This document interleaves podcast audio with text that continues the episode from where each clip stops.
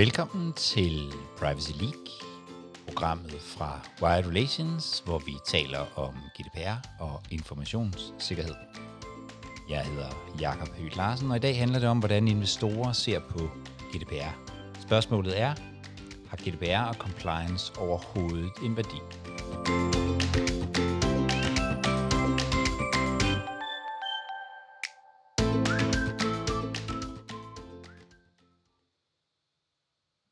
Med mig til at besvare det spørgsmål har jeg Henrik Jebær.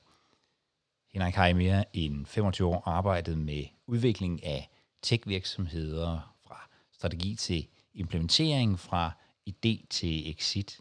Og i dag er han strategichef i LMS 365, bestyrelsesmedlem her i Wide Relations og senior advisor i Hamilton Partners, som har købt og solgt mere end 100 hurtigt voksende tech-virksomheder. Og Henrik, hvad tænker du om spørgsmålet?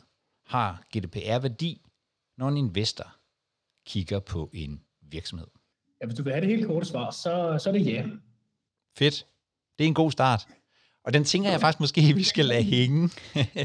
Fordi for at, øh, for at forstå, hvordan GDPR kommer i spil, og på hvilken måde og sådan noget, så tænker jeg, at det måske er vigtigt at, at, at, at få en fornemmelse af, hvordan sådan en proces, MRA-proces overhovedet foregår. Kunne du, kunne du tage os med ind i, i det maskinrum? Ja, hvis jeg skal prøve at give dig sådan lige den, du kan sige 30.000 fods øh, overblikket over, hvordan en typisk M&A-proces kører, mm-hmm så kan der være to ting, der initierer det. Øh, den ene øh, version, det er, at en virksomhed beslutter sig for at sælge. Det kan der være mange årsager til. Det kan være alderen på øh, founderen, det kan være, hvad hedder det, investorerne gerne vil have deres penge ud, det kan være alt muligt andet, ja. hvor man ligesom selv aktivt tager, tager stilling til det. Og den anden øh, typiske øh, scenario, vi ser, det er, at øh, en virksomhed, som på den ene eller anden måde er interessant, får et, øh, et uaffordret tilbud. Mm-hmm. Øh, og øh, det, som, øh, som mange gør, enten i den ene eller anden situation, det er, hvis virksomheden har, hvis det er en meget lille virksomhed, så vil man måske gå til det, man, man kalder business brokers, øh, som, er, som er sådan en slags sige, ejendomsmæler for, for virksomheder. Ja. Øh, hvis den er lidt større, vil man gå til en, en M&A-rådgiver eller en investment banker. Mm-hmm. begreber, der bliver brugt sådan, sådan lidt i flæng. Man kan sige, at investment banker er altså typisk ofte øh, involveret med børsnoterede virksomheder, større virksomheder, og M&A-rådgiver er sådan ofte, øh, du kan sige, midtmarkedet. Det er også der, vi befinder os i, i Hamilton, som jeg har arbejdet øh, fuldtid for i mange år, men nu ja. er øh, rådgiver for. Mm-hmm. Og, og i den, øh, du kan sige, den sådan ballgame, vi ligger i, det er fra de der cirka 20 millioner US dollars til cirka 100 millioner US dollars i enterprise value. Så det er sådan lidt større virksomheder, men stadigvæk ikke de helt store børsnoterede. Nej. Det er et godt sted at være. Mm-hmm. Det, der sker, når man, øh, når man så engagerer sådan en, øh, en emineret øh, rådgiver til at hjælpe med processen, det er, at, at vi gennemgår nogle faser. En, en typisk situation vil tage 6 til 9 til 12 måneder, lidt afhængig af størrelsen og kompleksiteten, og hvor meget køberinteresse der er, hvor hot markedet er. Man kan sige, hvis det er et meget hot marked, som det har været her de sidste år, så ser vi lidt kortere processer, ja. ser lidt kortere så videre, og det kommer vi tilbage til at snakke om, hvorfor det kan være et problem, uh-huh. specielt i forhold til, til compliance og GDPR. Uh-huh. De faser, man går igennem, det er en, en forberedelsesfase, hvor at øh, rådgiveren øh, sørger for at få tilvejebragt alle de materialer, der skal bruges i forbindelse med markedsføringen af, at den her virksomhed nu er kommet til side. Vi laver typisk øh, det, man kalder et executive summary eller discrete proposal, som er sådan en 2, 3, 4, 5 siders øh, præsentation, som er anonymiseret. Så laver vi et øh, information memorandum, øh, kalder man det, som er det der mere til bundsgående øh, analyse af, af, af virksomheden, øh, men stadigvæk ikke på nogen måde så dyb som en, som en due diligence, men, men et, et godt skriv, der beskriver virksomhedens finansielle situation, produkterne, samarbejdspartnere, hvad er det for nogle kunder man har, øh, alle de her ting. Hvilke ja. systemer har man i firmaet. Og det vil ofte indgå i sådan en IM. Det sætter vi så ud, så går vi ind i det, man kalder en, en øh, det marketingfase, hvor vi øh, inden øh, har forberedt en masse købere, potentielle købere. Øh, vi har en kæmpe stor database, vi kigger i, vi har en masse erfaring, vi har en masse netværk osv., og, og så laver vi det, vi kalder et buyer universe. Det her buyer universe, det består grundlæggende af de kontakter, som kan være alt fra 10 til 100 virksomheder, der måske kunne være interesseret i at købe den virksomhed, der er, der er til salg. Dem rækker vi så ud til i, øh, i marketingfasen, øh, og øh, når vi ligesom har fået indikation for, at der er nogle af de her købere, der er interesseret i at gå videre, jamen så laver vi managementmøder, øh, hvor de møder virksomhedssælgerne og management i firmaet osv. Så øh, stiller man typisk et datarum til rådighed, så, så virksomheden kan gå lidt dybere og få indsigt i øh, aftaler, kontrakter, systemer osv. Mm-hmm. Og på et eller andet tidspunkt, så kommer vi så derhen til, hvor vi siger, okay, nu har vi så fået den der trækbræt ned til, at der er måske en håndfuld interesserede købere, og øh, måske kun én øh, i nogle tilfælde. Og så øh, laver man et øh, letter of intent eller en indication of interest, og, øh, og her får man sådan det første bud på, hvad mener, hvad mener køberne, den her virksomhed kunne være værd. Mm-hmm. Der er nogen, der går ud med en pris til at starte med, det vil vi ikke anbefale. Øh, vi skal helst have køberens pris frem i lyset, før vi begynder at forhandle. Og det er egentlig først der, og det er egentlig det, der er argumentet her, det er egentlig først der, når vi begynder over til det, vi kalder closing phase, altså hvor vi er ved at af, og, rent faktisk sælge virksomheden og, og tage tilbud ind og begynde at forhandle. Det er egentlig først der, virksomheden går i due diligence. Due diligence er en enormt krævende proces, ja. som, som involverer rigtig mange mennesker. Og det er egentlig først der, at vi begynder rigtig at gå i dybden som køber med, med den pågældende virksomhed. Og derfor er det også vigtigt at forstå, hvorfor at, øh, at man ikke nødvendigvis opdager de her øh, caveats, der måtte være i, i virksomheden, før man går i, i due diligence-fasen. Okay. Hvad, jeg ved godt, det er et meget generaliseret spørgsmål, men hvad ligger, hvad ligger købere og investorer vægt på i, i den her fase? Altså, hvad er det, de lægger vægt på, når de, når de vurderer en, en virksomhed? De lægger vægt på mange, på, på mange forskellige ting. Der kan være mange grunde til at købe en virksomhed. Uh, man kan købe den, fordi man, man ønsker at øge sin omsætning. Så køber man måske en konkurrerende virksomhed, der laver noget lignende, som, som uh, hvad hedder det, kan, kan tilføre uh, simpel omsætning eller EBITDA for den sags skyld. Uh, man kan købe en virksomhed, fordi man har brug for teknologien. Hvis der er nogle ting, en, en konkurrerende virksomhed kan finde ud af, som man ikke selv kan finde ud af, eller ikke har udviklet, så er det måske hurtigere at købe en virksomhed, der har gjort det, end det er at sætte og udvikle det selv. Mm-hmm. Der er nogen, der køber virksomheder på grund af geografisk reach, og siger, at vi er i øh, Nordeuropa i dag, vi kan godt tænke os at have noget i Sydeuropa, lad os se, om vi kan finde en fransk eller en spansk eller en italiensk virksomhed og, øh, og, og, og sætte ind i vores øh, sammenhæng. Øhm, der kan være mange forskellige øh, grunde. Så du kan sige, at de lægger vægt på forskellige ting. Mm-hmm. Mange af de ting, de måtte lægge vægt på, for overhovedet at interessere sig for den pågældende virksomhed, der er til salg, kommer til udtryk i, de, i den dokumentation, de har, de har fået upfront. Ja. Men meget lidt af det, som vi beskæftiger os med i White Relations for eksempel, hele compliance-området, kommer egentlig først til udtryk, når man er gået i due diligence. Og det vil sige, at man kan, man kan køre en meget lang periode, øh, hvor man tror, at alt er i orden, for så at konstatere, at det er det ikke. Nej. Virkeligheden er jo også, at der er jo ikke nogen, der køber en virksomhed, fordi at øh, de er øh, øh, godt compliant. Det er, sjældent, øh, det er sjældent derfor. Compliance-delen og alt det her med, med GDPR og sådan noget, indgår det sådan på, på, på, på mulighedssiden for en investor, eller, eller handler det i virkeligheden mere om at, at, at, at kigge på noget risiko og begrænse noget risiko? Det, det, det, det er oftest det sidste, for du kan sige, det, det som due diligence skal gøre, det er jo at, at afdække de risici, der måtte være. Og køberen skal jo så finde ud af, de risici, der så er blevet afdækket i due diligence, hvis der er nogen, der er altid nogen, er det noget, man kan mitigere, eller noget, man ikke kan mitigere? Ja. Øh, det risiko er noget af det vanskeligste at prissætte. Vi kan prissætte en omsætning, vi kan prissætte en, et, et overskud, vi kan prissætte teknologi, vi kan, vi kan prissætte et antal udviklere. Det, det kan vi sådan nogenlunde øh, håndtere. Ja. Men at prissætte risiko er enormt svært. Det er, det er nærmest kunstart. Ja. Og, og, og derfor vil jeg sige, at det du, det du ofte ser, det er, at, at alt det, der ligger rundt omkring compliance, øh, GDPR som, som et af eksemplerne, men, men også i høj grad certificering og alt muligt andet, hele den der spiller jo ind i, øh, i risikomomentet. Øh, og, og det, som, som det gør, er ikke nødvendigvis at sige, at vi, vi ser de her risici, vi er dårlige til GDPR, I er ikke, I er ikke compliant osv., så, så derfor så, så, så det, det, trækker vi 20 procent fra vores bud, og, og så giver vi jer kun 80 millioner i stedet for 100 millioner. Det er ikke sådan, det fungerer. Nej. Så, så risiko er ofte en, kill en deal killer.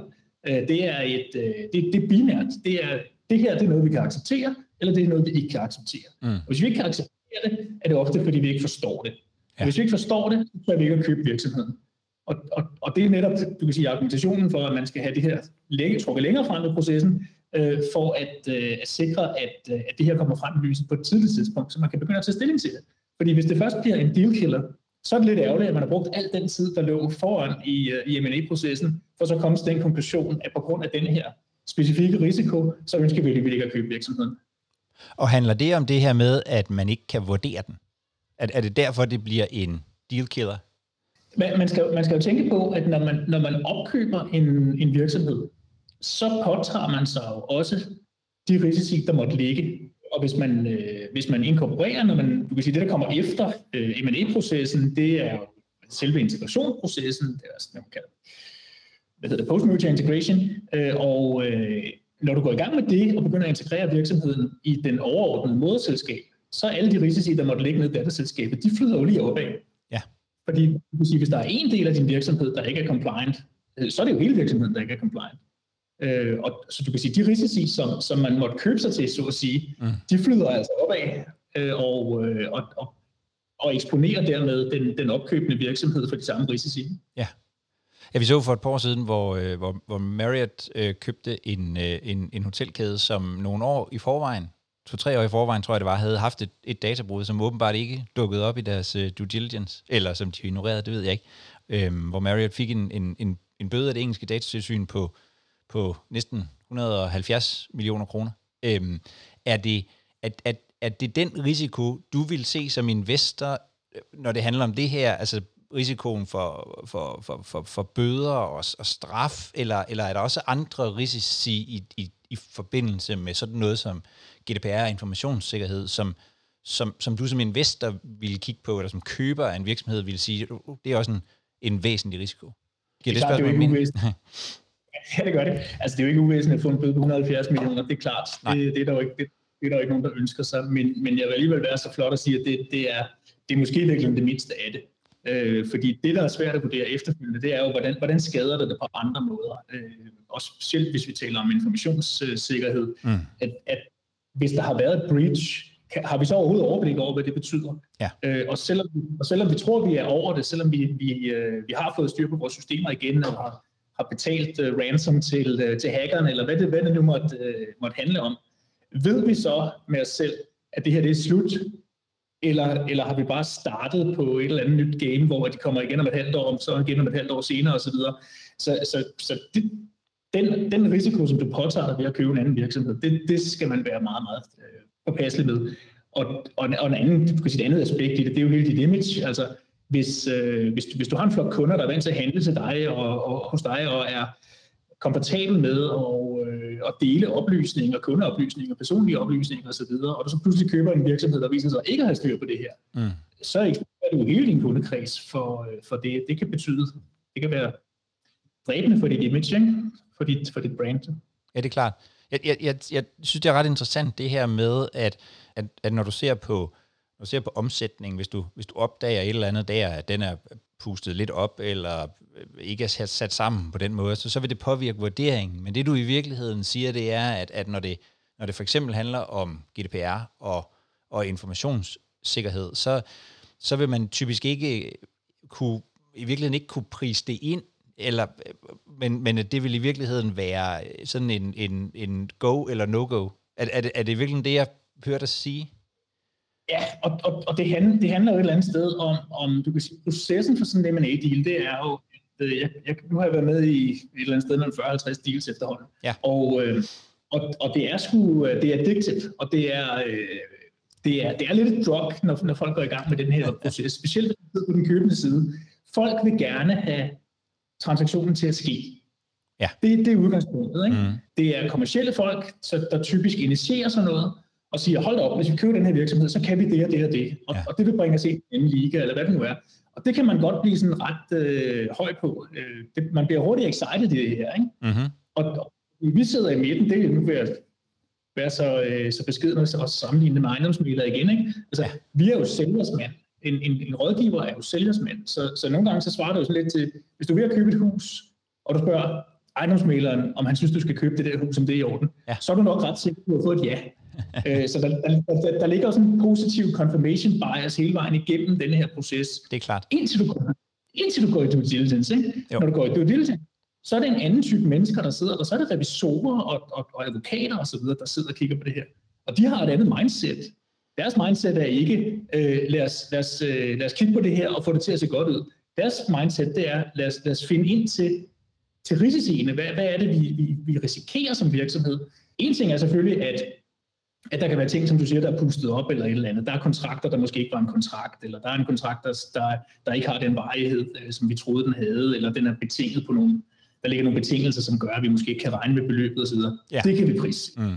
alt det der gas kan vi prissætte. Hvis der, hvis der mangler noget på lageret, øh, hvis, vi ser, hvis vi er en vinbutik, og, og hvad hedder det, personalet har, har, øh, har drukket halvdelen af vinen, ja. det, kan vi, det kan vi prissætte. Det er ret nemt at prissætte. Men risici er svære at prissætte.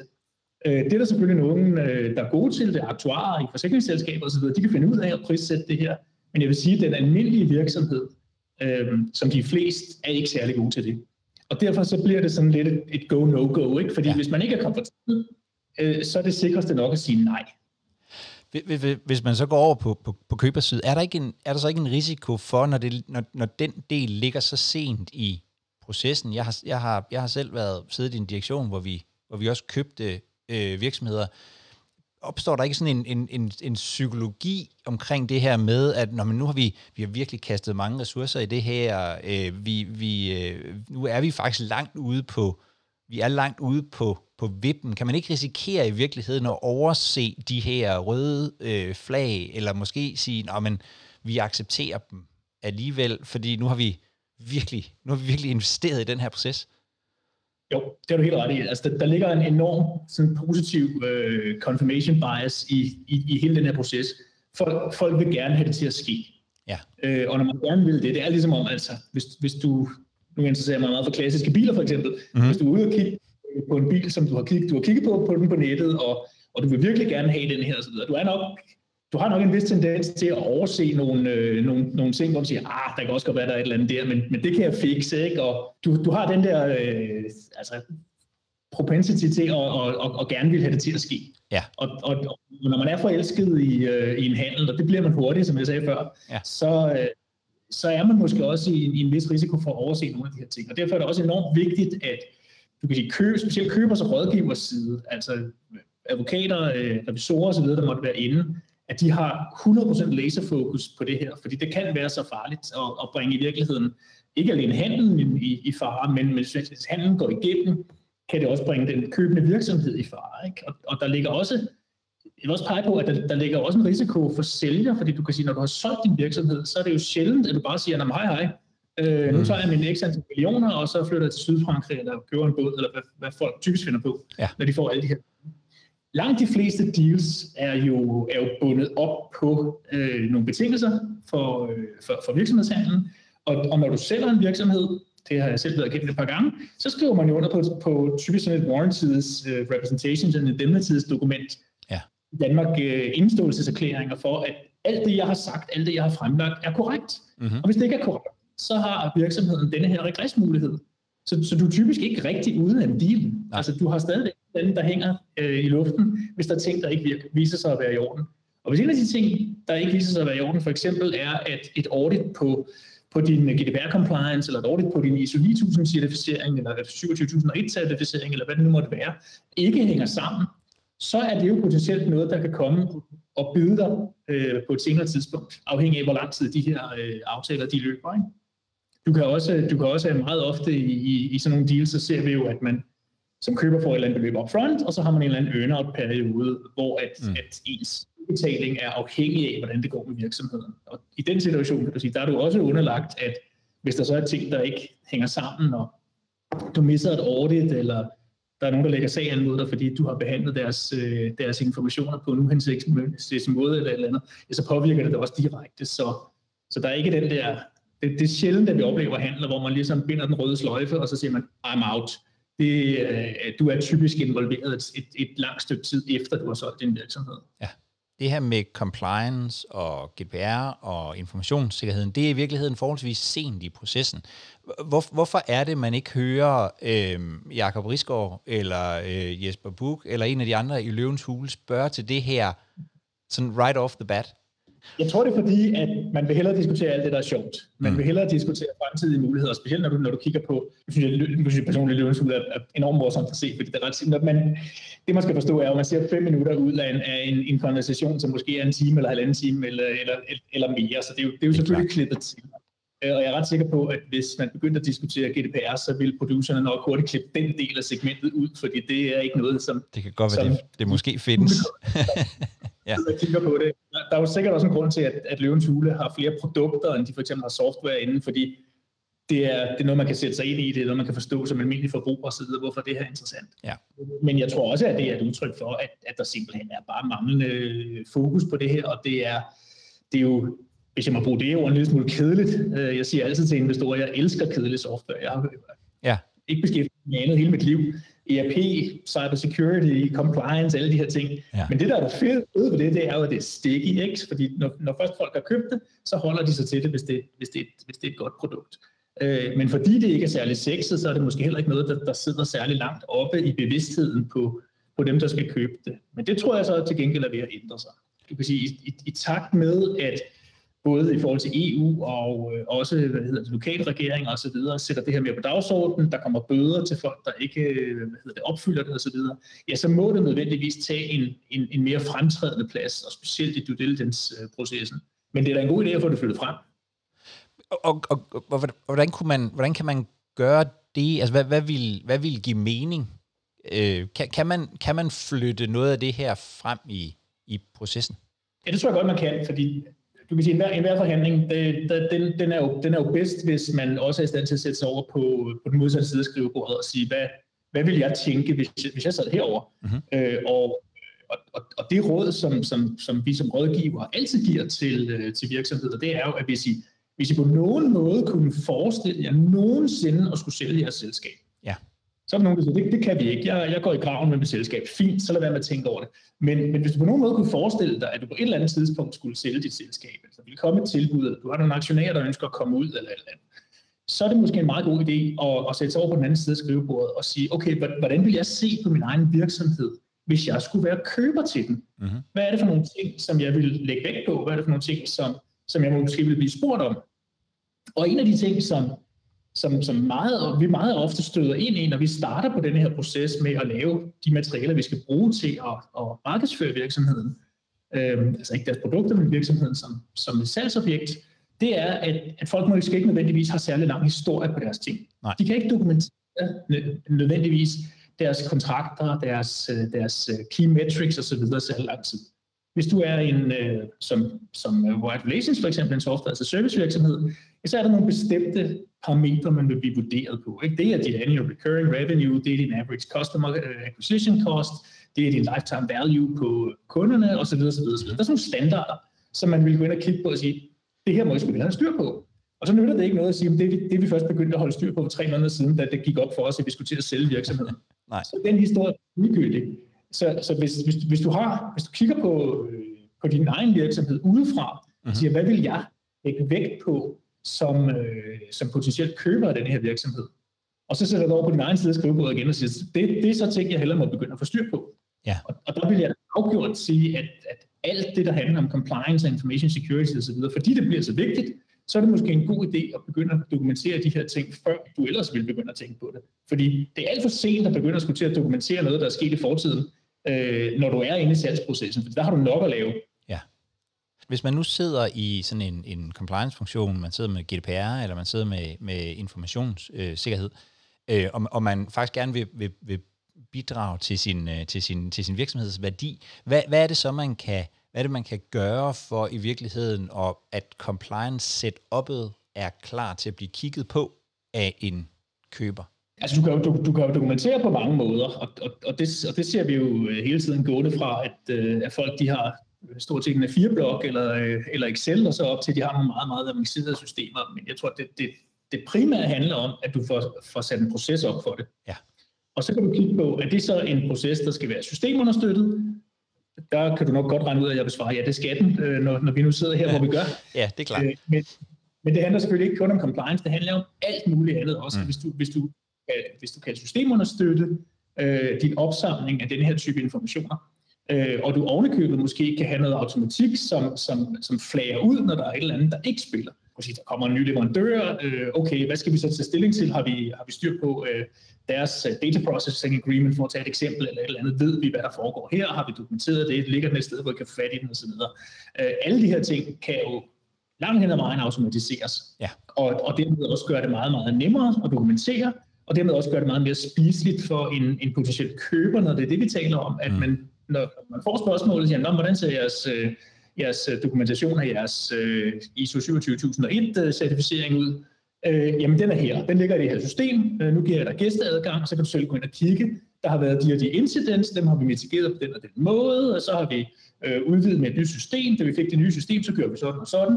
Øh, hvis det ligger der, så giver det dig tryghed. Ja. Og så er vi tilbage til den der med at, at fjerne så meget risiko ud af processen, som du overhovedet kan. Alt det, du kan gøre på forhånd, øh, som, som, som ikke kommer op som et rødt flag i din due diligence, så har du gjort dig en kæmpe tjeneste. Ja. Fordi i sidste ende, der handler det jo, når man, når man skal trykke på knappen og skrive under på den der share purchase agreement, som endeligt mm-hmm. gør, at du køber, der kan jeg godt sige at der handler det om 90% følelser og mavefornemmelse. Ja. Og, og alt det, der ligger op til det, al den dokumentation, vi har lavet, det er måske de 10 eller 20 procent. Øh, og resten, det er, føler jeg mig tryg ved det her? Kan, mm. kan jeg komme til samarbejde med de her mennesker? Stoler jeg på dem? Stoler jeg på, at de har, at de har givet mig det rigtige billede? Øh, glæder jeg mig til at få dem her ind i min organisation? Øh, og hvis ikke man kan svare ja til de der ting, så, så kan det hurtigt blive den der sidste mavefornemmelse, hvor man sidder med den der knudefælde og siger, ah, er det her nu også helt rigtigt, eller, eller er det et, et, et korthus, der er blevet lidt for stort op? Ikke? Ja. Så, så alle de ting, du ligesom kan dokumentere upfront og sige, her er systemet for det, her er øh, dokumentationen af, af vores øh, forskellige systemer, her er dokumentationen for vores forskellige processer, øh, her kan I se, hvad der har været incidents osv. Det giver den der tryghedsfølelse, hvor man siger, okay, her er sgu nogle, øh, nogle personer, som, øh, som faktisk har styr på deres forretning, så det, det føler jeg mig tryg ved. Ikke? Så i virkeligheden, det her, vi, vi har jo det her øh, begreb i, i, øh, i, i, i GDPR med omkring øh, ansvarlighed, som jo grundlæggende er at dokumentere ting. Vi ser mere og mere, øh, at, at folk begynder at, at arbejde med, med, med, med standarder, det kan være ISO-standarder eller ISA-erklæringer, øhm, og, og, og den slags. Så, så, så øh, det, det, det du siger er i virkeligheden, at, at det er et ret godt, det er et ret godt startpunkt at have, at, at man faktisk har den her dokumentation, fordi det giver, øh, det giver ro i maven til de der 90% øh, følelser, om man så må sige, at her er faktisk nogen, der har der igennem en periode har haft styr på tingene, har dokumenteret, hvad det er, der sker, og måske har haft nogle øh, revisorer eller nogle øh, ISO-certificeringsfolk inde og, og, og kigge på det. Ja, og hvor langt går man så? Altså, hvor, hvor langt vil man så som investor gå ned der? Altså, vil man, vil man typisk gå ned og, og, og, og trykprøve noget af det her, eller, eller altså sådan helt ud i, i at kigge i systemerne, eller, eller vil, vil man mere kigge på de her, altså det her, den her sådan dokumentstrøm? Øh? Ja, det er sådan en af de der berømte it depends, ikke? Fordi det, det, ja. det kommer, det kommer til meget an på situationen. Det, det, man skal være opmærksom på, det er, at det, altså det sidste års tid, øh, hele 21, var der fuldt tryk på M&A markedet. Det er der sådan set stadig, men 21 var et rekordår på mange måder. Det var der også for danske virksomheder. Der blev solgt flere virksomheder til større valuations, end vi nogensinde har set før. Uh-huh. Det er sådan et, et, et dramatisk spring fra 20 til, til, til 21. Det, der også skete i, øh, i 21, var, at vi havde covid. Ja. Og det betød, hvis du havde spurgt mig for tre år siden, om vi kom til at sælge en virksomhed, uden at køber og sælger havde mødt hinanden fysisk, så havde jeg sagt, at du må være rappelende vanvittig. Ja. Altså vores, vores budget som rådgiver til gå ud og spise fine middage med folk og præsentere den ene for den anden osv., var astronomisk. Vores rejsebudget var astronomisk. Og lige pludselig gik de der i nul. Uh-huh. Og det er ud fra et økonomisk synspunkt, og det er selvfølgelig meget fedt. Men, men det gjorde også, at, at køber og sælger mødte ikke hinanden. Og, og du kan sige, tre måneder inde i, to måneder inde i covid-restriktionerne, øhm, der startede 20, der, øh, der så vi den, det første salg, hvor at vi havde været involveret i, i hvert fald, hvor køber og sælger aldrig mødte hinanden. Ja. Prøv at forestille dig, hvad det betyder for din mavefornemmelse, at du aldrig fysisk har mødt folk. Du ja. har ikke siddet og drukket en øl, du har ikke været ude at spise, du har ikke øh, spillet et øh, slag tennis eller golf, eller hvad folk nu finder på at gøre, for ligesom at hygge sig sammen og sige, er der den der kemi? Alting foregår, som det, som det foregår nu, på en skærm.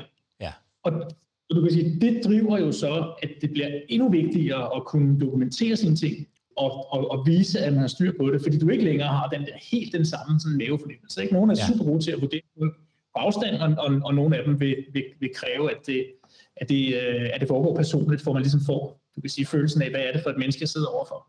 Ja. Og tilbage til det her med, at man skal jo arbejde sammen. Det er jo partnerskab. Det er, det, er jo, det er jo sjældent, at vi sælger virksomheder, hvor ledelsen øh, så bare trækker sig tilbage og siger, nu, nu skal jeg til Spanien. Øh, typisk vil de jo skulle arbejde sammen nogle år efterfølgende, for ligesom at være sikker på, at værdien også er repræsenteret i virksomheden. Ja. Øh, og derfor bliver det sådan lidt et ægteskab, ikke? så man skal også føle sig komfortabel med de mennesker, man skal til at arbejde sammen med. Ja. Hvis man ikke kan det, man sidder på afstanden, så må man hellere sørge for, at der ligger, at der ligger i hvert fald endnu mere substantiel dokumentation for, at tingene er, som de skal være. Det bliver det næste, øh, Henrik, at vi møder vores øh, koner på, på Tinder og bliver gift uden nogensinde at møde hinanden. Det er en skrækkelig tanke, ikke? jo, men det, jeg, jeg kan godt, det, det, det, det giver sådan en, en, en, en sjov følelse, at, at det faktisk er sådan, det kan foregå øh, nu om dagen, når man, når man køber, køber virksomheder.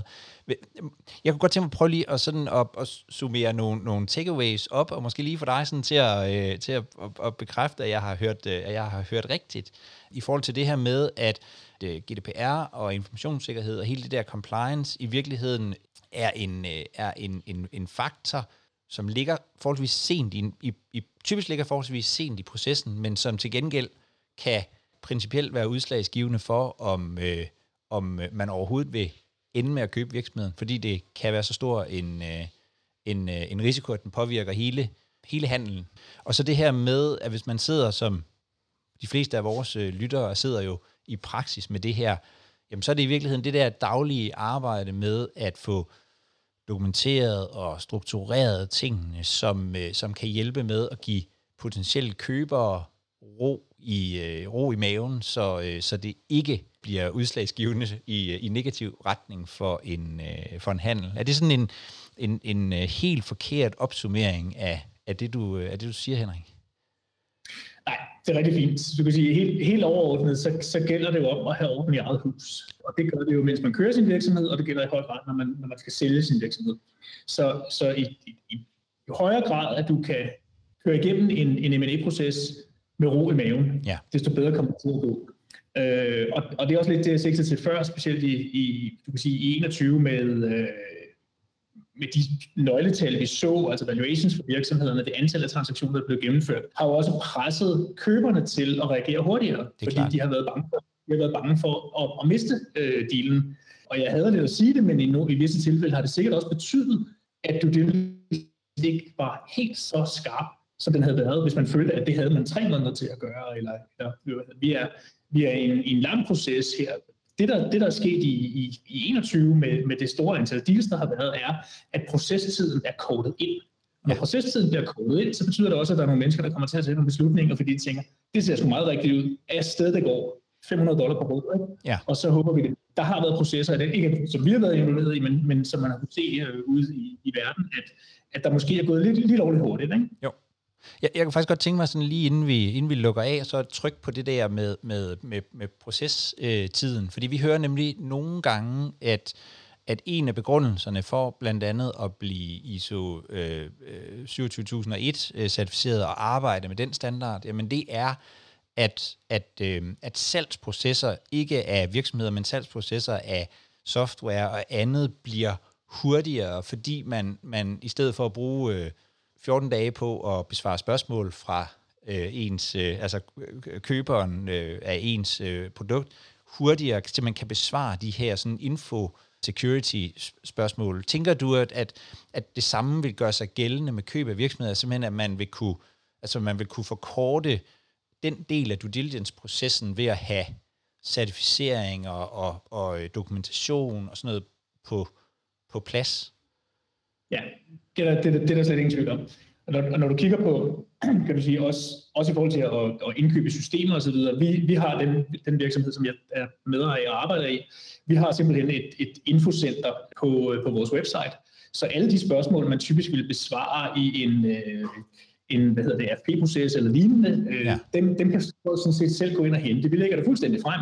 Her er vores Veracode certification, her er vores Microsoft certifications, her er vores ISO certifications, her kan I se, øh, hvad, hedder det, hvad der ligger til grund for, at vi, at vi har de her forskellige certificeringer, hvor de bliver brugt til ja. hvilke nogle systemleverandører vi har, hvordan ser vores tech stack ud og alle de der ting. Alt det der ligger sådan set uh, fuldstændig åbent, så det kan folk selv gå ind og se.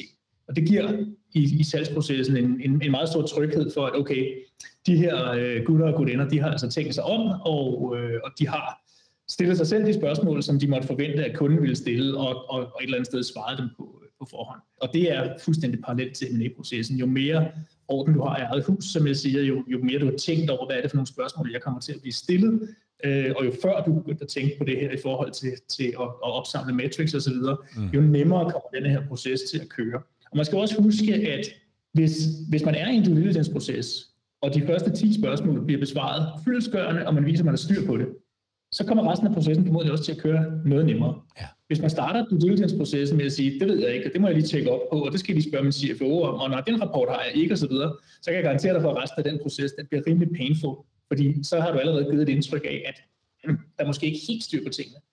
Det kan godt være, at virksomheden er i orden, det kan godt være, at alting er dejligt, det kan godt være, at de køber virksomheden alligevel, men den del af processen, den bliver, den bliver smertefuld. Ikke? Ja. ja, og, det, og det, det er jo i virkeligheden også det, vi, altså i, i den mere populære kulturelle ende af det ser i, i, i, i løvens hule. Altså hvis først, øh, hvis først man har lagt to tal øh, sammen og, og, og, og fået den, den danske befolkning til at være øh, 25 øh, millioner potentielle købere eller et eller andet andet mærkeligt, så bliver det enormt svært efterfølgende at, at, at komme igen. Jeg tænker, der er investorer formentlig nogenlunde lige så meget mennesker som alle os andre. Hvis vi stoler på folk, så øh, accepterer vi bedre de svar, de, de giver. Jamen helt sikkert. Og, og det er jo lidt tilbage til, jeg kan godt lide den der sammenligning med at købe et hus, ikke? Mm. Og du har en egen og altså, hvis, hvis, hvis du først finder ud af, at øh, hvad hedder det, stikkontakten, øh, den ser godt nok ny ud, men den virker ikke, og den, den tænder for lyset i et andet værelse osv., og tænker, ah okay, hvad ligger der så ellers gemt, ikke? Ja. Øh, så, du skal ikke, du skal ikke gennem ret, du skal ikke gennem ret mange spørgsmål, hvor at dit svar er lidt vaklende, før at, at køber så begynder at dykke meget dybere, meget dybere, meget dybere. Og, og det er jo ikke sikkert, at det afdækker problemer, men man kan, man kan jo sådan tage sådan en 80-20-regel, ikke? At, at hvis, hvis 20 procent af det er, er noget skidt, og du finder ud af det, så er der nok en chance for, at der også, der også gemmer sig noget skidt i resten af de 80 procent. Ja. Henrik, tusind tak for at øh, bruge din øh, formiddag til at, øh, på at lukke den her proces øh, op for os. Øh, vi sidder jo øh, typisk med GDPR og, og den slags øh, til, til, til daglig. Det har været rigtig fint at lige at få, hvad er det egentlig? Hvordan, hvordan spiller alt det her, Øh, hvordan spiller det ind i den hverdag, som, Øh, som, uh, som, som vi sidder med? med og jeg tænker, at, at rigtig mange i virkeligheden er rigtig godt i gang med, med det her med at få altså dokumentere, det er jo sådan en, en ting, der, der heldigvis ligger sådan lidt på ryggraden af folk med, øh, med, med, med compliance-kompetencer. Øh, så, så, men tusind tak for at, for at lukke det op, Henrik. Helt sikkert, det var en fornøjelse. Og hvis der sidder nogen derude, som, øh, som gerne vil, vil diskutere det her, eller har sådan konkrete spørgsmål, så, øh, så, så tag fat i mig. Jeg er helt sikker på, at, øh, at jeg, kan, jeg kan vende spørgsmål rundt omkring øh, Henrik, hvis der er nogen, der, der er sådan mere konkrete og sådan noget, så, så vil vi rigtig gerne, øh, så vil vi rigtig gerne støtte i, øh, i de her processer. Helt sikkert. Tak til jer, der så på, og tak til, til dig, Henrik. Ha' en uh, rigtig god dag. Tak lige måde. Du har lyttet til Privacy League, en podcast fra Wired Relations, hvor vi diskuterer GDPR og informationssikkerhed. Og hvis du har lyst til at høre mere fra os, ja, så kan jeg kun opfordre dig til, at du finder os i din podcast-app og trykker på abonnement, så får du øh, en til to gange om ugen GDPR og informationssikkerhed lige i ørene.